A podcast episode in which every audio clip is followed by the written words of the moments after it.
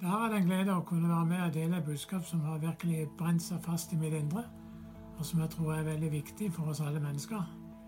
Og eh, jeg har lyst til å sette som overskrift over dette budskapet i dag Alle må vi en gang dø, og deretter kommer vi for dommen. Det er sånn at Bibelen forteller oss i Hebrevbrevet 9,27. Der står det at det er bestemt for menneskene en gang å dø, og deretter dom. Det er noe som er bestemt for alle mennesker. Og vi er nok enige om at alle kommer en gang til å dø. Vi skal en dag forlate dette livet, enten vi liker det eller ikke. Og det store spørsmålet er hva kommer etterpå? Hva skjer da? Og eh, gjennom alle tider så har mennesker forsøkt å få svar på hva som kommer etter dette livet. Det er mange forskjellige ideer og religioner har kommet opp med at noen går igjen i et nytt liv, og det blir reinkarnasjon eller et nirvana eller vi kommer som nye skapninger. Det er masse rare ideer på det. Men eh, alle verdens filosofier det er bare menneskers forsøk på å finne ut hva som egentlig skjer. Og jeg må jo si at dette er helt utenfor oss, vår menneskelige måte å kunne forstå. Så da føler jeg det er mye bedre å sette sin lit til det som Gud sjøl har sagt. Og han vet om det. Han eh, kjenner mennesket. Han var det som skapte dem. Og han har gitt oss den mest sikre kilden på når det gjelder hva som skal skje etter vi dør. Og hvorfor ikke da ta det fra Guds ord? Han har jo skapt oss. Han har gitt oss Bibelen, som er hans eget ord. Og han har fortalt oss det der, hva som kommer til å skje etter at vi forlater dette livet. Og det er ingen sikrere orientering, ingen sikrere skrift vi kan holde oss til, enn til Bibelen når det gjelder det som skjer etter dette livet. Da Jesus gikk omkring her på jord for 2000 eh, år siden, så ga han oss mange detaljer om det kommende livet. Og han er jo den sikreste kilde til det, fordi han var jo med i begynnelsen, der Bibelen forteller at 'la oss gjøre mennesker', sa Gud, i vårt bilde. Da var Jesus der. Han var med og skapte oss mennesker. Og han var også der når synda kom inn i verden, og djevelen forførte Eva og Adam i, Edens hage, og ulydigheten kom der og skapte død for mennesket, så var Jesus der òg. Han visste Han så det som skjedde. Han var til stede. Og eh, det som er jo interessant å, å se på, det er jo hva sa Jesus? Hva var det han eh, ga for oss av informasjon om dette her? Fordi at eh, når Jesus hadde sett alt, så visste han både begynnelsen og slutten. Og Det som er jo interessant, er jo at Jesus gjorde det veldig klart at det kommer noe etter dette livet. Og han gjorde det veldig klart at det var viktig. Det var viktigere med det livet som kommer etterpå, enn det som er i dette livet. En av de første tingene Jesus sa, det er 'samle dere ikke skatter her på jorda', og møll og rust, tære osv. Men samle dere skatter i himmelen. Der var det ingenting er det som ruster og forgår. Der skulle vi begynne å samle skatter allerede mens vi hadde dette livet her. Og Jesus han fortalte mange historier om livet som kommer etter dette, som vi nå lever. Og Blant annet så forteller han en historie om en veldig vellykka bonde som hadde gjort det godt. Han hadde, hadde gjort, fått en god inntekt og hadde samla mye godt liggende, som han sier, har mye godt liggende som var lagra for mange år. Så, så sa han til sin sjel du har mye godt liggende. Et, drikk og vær glad. Og han eh, skulle, hadde innstilt på å gjøre som å nyte livet. Men eh, han hadde ikke beregna at allerede den natta så skulle Gud komme og si at eh, du har mye godt lagra for mange år. Nå kan du eh, ikke regne med det lenger, for i natt så kommer du til å dø. I natt så krever kreves din sjel tilbake, står det i Bibelen. Hvem skal så ha alt det du har samla? Det er fra Lukas 12, hvis du vil lese historien. Eh, Lukas evangelium, det 12. kapittelet, 19. og 20. verset. Og når vår tid her på jorda er ferdig, da, eh, da vet Gud han, er, han, han, kjenner våre hjerter. Og han vet at eh, vi har ingen mulighet til å ta med oss noe av dette som vi har lagra her. Uansett hvor godt vi har gjort det, hvor mye penger vi har i banken, eller uansett hvor mye fint ellers vi skulle ha en, en luksus her. Vi kan ikke ta med oss noen ting. Vi må forlate alt. Og um, han vet alle ting. Ja, der står til og med han, han, eh, han har tallet på, på våre hodehår. Så han eh, kjenner oss. Og han kjenner både våre tanker, motiver og det som vårt hjerte er fullt av. Han vet alt om oss. Og han er veldig tydelig. Jesus er helt tydelig på at det er bare to store alternativer i dette evigheten.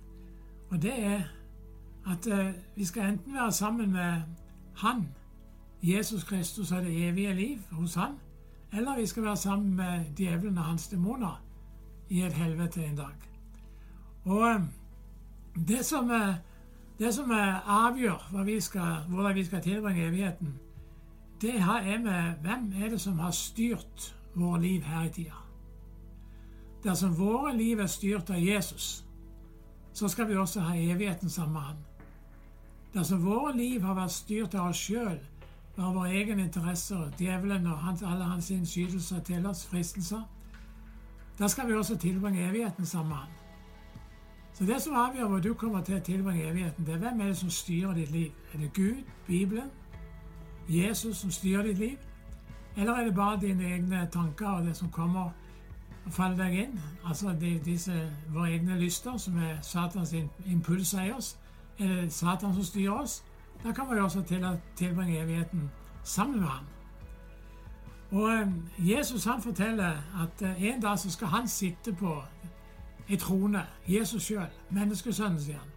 Han skal sitte der, og så skal han si til noen til, Han skal dele hele menneskeheten i to grupper. Og så sier han til den ene, kom hit, dere som er velsigna av min far, og ta i arv det riket som er gjort i stand for dere. Og til den andre gruppa så skal han si, gå bort fra meg, dere som er forbanna, til den evige ild som er gjort i stand for djevelen og englene hans. Du kan lese det mer om det i Matteus 25, fra vers 31 og utover. Jesus forteller også en historie om to personer som faktisk levde. Og Du kjenner kanskje til historien. Det er lignelsen om tiggeren Lasrus, som uh, satt og tigga ofte utenfor en rik manns bolig. Og uh, Jesus han visste også hva som hadde hendt med disse to personene.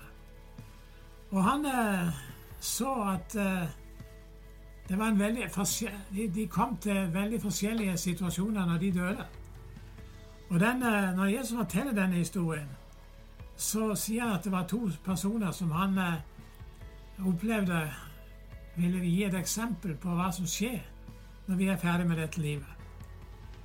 Og eh, vi kan forstå de to alternativene som her er Det er noe som gjelder alle mennesker. Det står den ene personen, han som hadde, var rik og hadde rikdommen og alt dette, han døde. Og så står det også at den andre fattige personen, Lasarus, som hadde sittet og tigga utenfor porten hans mange ganger Når de begge døde, så står det at de slo sine øyne opp i evigheten. Og Lasarus ble båret av engler til det som Bibelen kaller for Abrahams fang, altså paradiset, som alle døde som, som har sin sak i orden med Gud, de skal tilbringe der. Og han eh, rike mannen, han står der og slo sine øyne opp i dødsriket. Og når han slo sine øyne opp der, så kunne han se over til da Lasarus var i herligheten, mens han sjøl han var i en fryktelig flamme og en forferdelig smerte. Og så ser han også Han, han var jo jøde, og Jesus fortalte jo dette til jøder.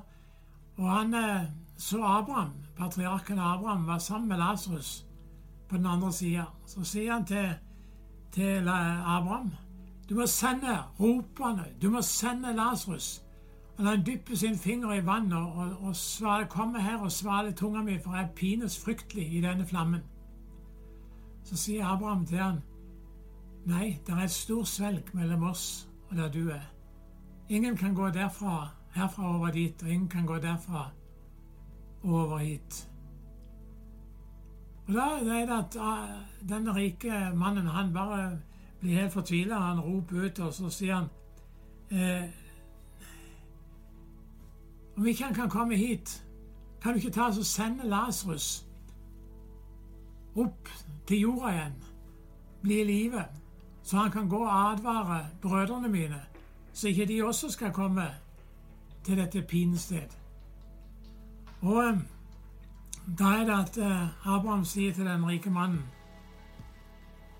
Nei, de har Moses og profetene, de har Guds ord, de har Bibelen. Hvis ikke de vil følge dem, så hjelper det ikke om noen står opp fra det døde.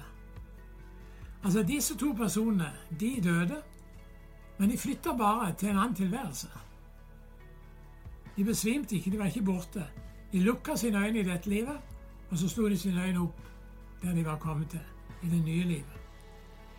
Og Jeg tror det er viktig å skjønne for oss at det, det når, når, vi forlater dette livet, så er det nye livet klart for oss.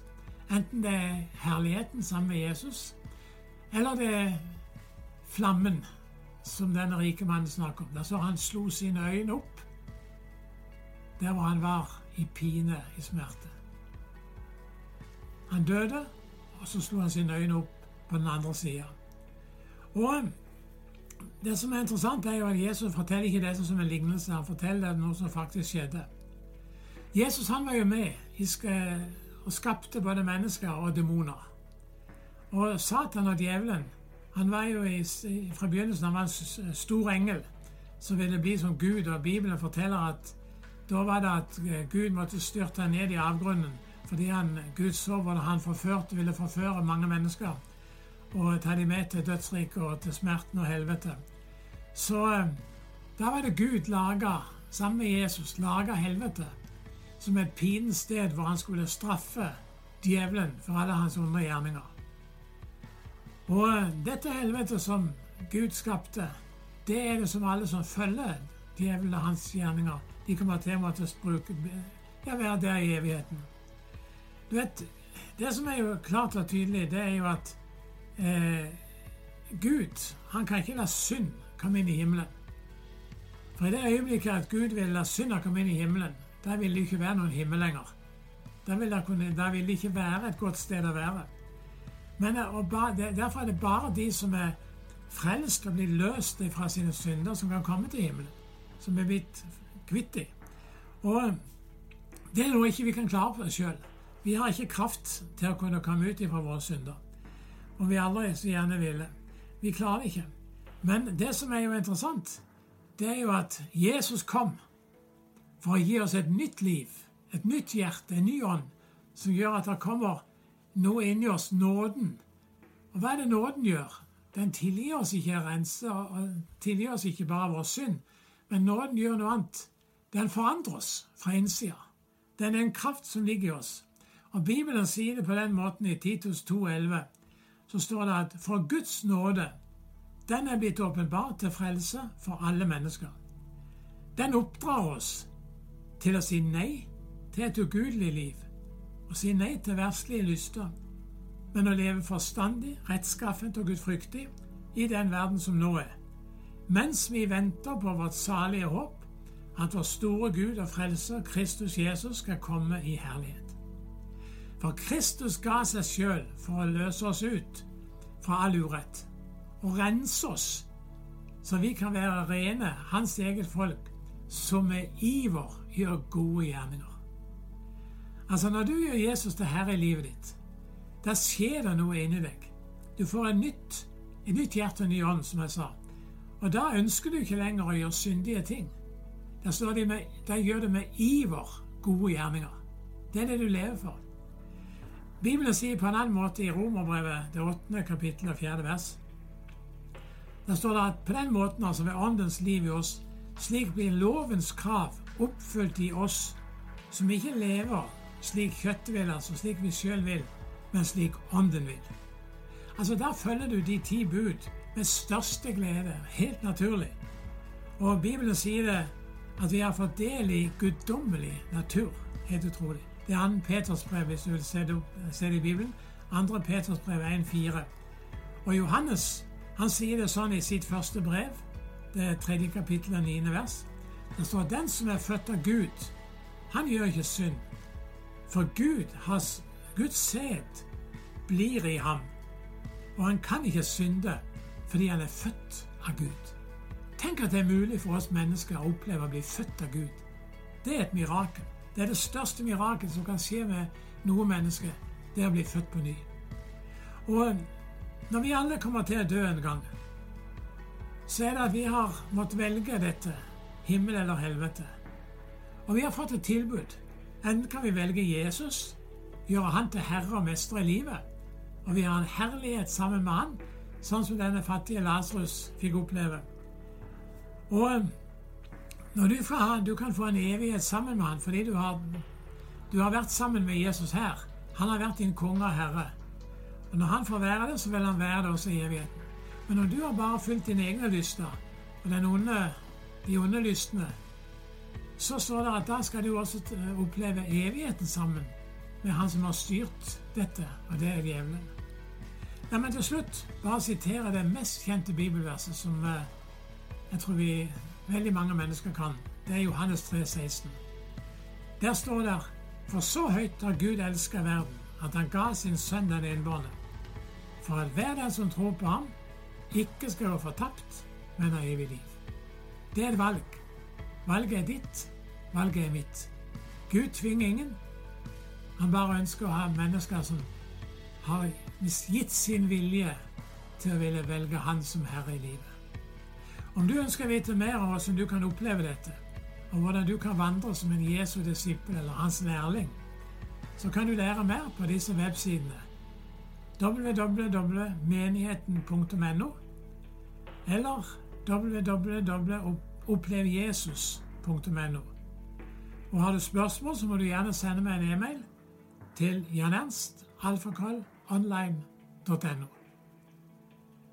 Må Gud velsigne deg og hjelpe deg til å ta det rette valget, som vil gi deg det rette livet, det gode livet, men som også vil gi deg den flotte evigheten sammen med Jesus, hvor du skal tjene Han i all evighet. Og Gud velsigne deg.